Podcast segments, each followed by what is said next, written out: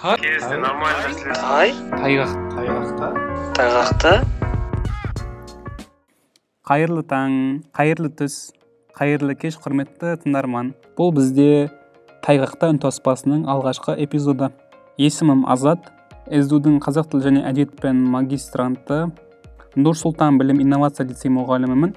Подкаст жазу идеясы алматы белде жұмыс істеп жүрген кезімде келді. Тоғызыншы сыныптың әдебиет пәнінде несіпбек айтұлы деген ақын келген. Сол ақынның ә, бәйтерек деген поэмасы бар. Ол поэманың негізгі идеясы елбасымыз нұрсұлтан әбішұлы назарбаевты мақтау.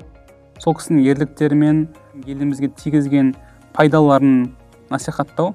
Мен бұл поэманы балаларға түсіндіру кезінде көп қиналдым. 2019 жылы наурызда астананың аты өзгерген кезде тілек ырысбек деген ақын поэма жазған болатын. Сол поэманы балаларға оқуды жөн көрдім өз басым бір ғана поэманы жатқа білем ол сол тілек ырысбектің нұрсұлтан поэмасы енді мен сіздерге сол поэманы оқып берейін нұр сұлтан нұр сұлтан нұр сұлтан нұр сұлтан нұр сұлтан нұр сұлтан нұр сұлтан нұр сұлтан нұр сұлтан нұр сұлтан нұр сұлтан Two hours later.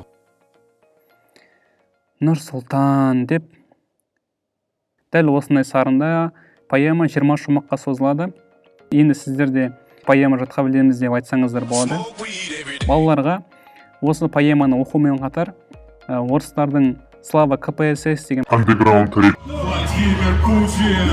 Владимир Путин!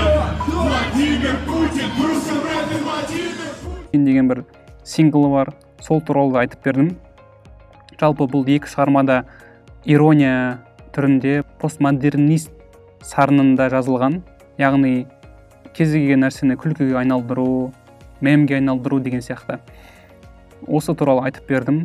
Бұл всеволод некрасов деген ақынның да стиліне сәйкес келеді екен. Мәселен ол кісінің свобода есть свобода есть свобода есть свобода есть свобода деген бір өлеңі бар. Оны мен қазақшаға аударып көрдім. Еркіндік бар еркіндік бар еркіндік бар. Еркіндік. Несіпбек айтұлының шығармасымен қатар тілек ырысбек деген ақын мен слава кпсс деген андеграунд рэпері ортақ тұсын іздеуге тырыстым балаларға қызық болып кейіннен диссонанс пен аллитерация түсіндіретін кезде оксимиронның кейбір өлеңдеріне жүгіндім.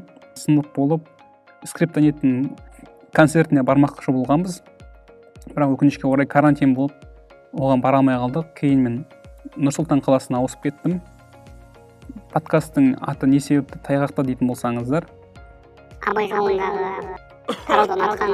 лақап тайғақта деп қойғаннан кейін де осылай атауды жөн көрдім. Тайғақта деген сонда бір жол таңдаған кезіңде оған қиналып айналып өтуге тырысып әйтеуір бір бағамдап жету деген сияқты мағынаны қамтуға тырыстым.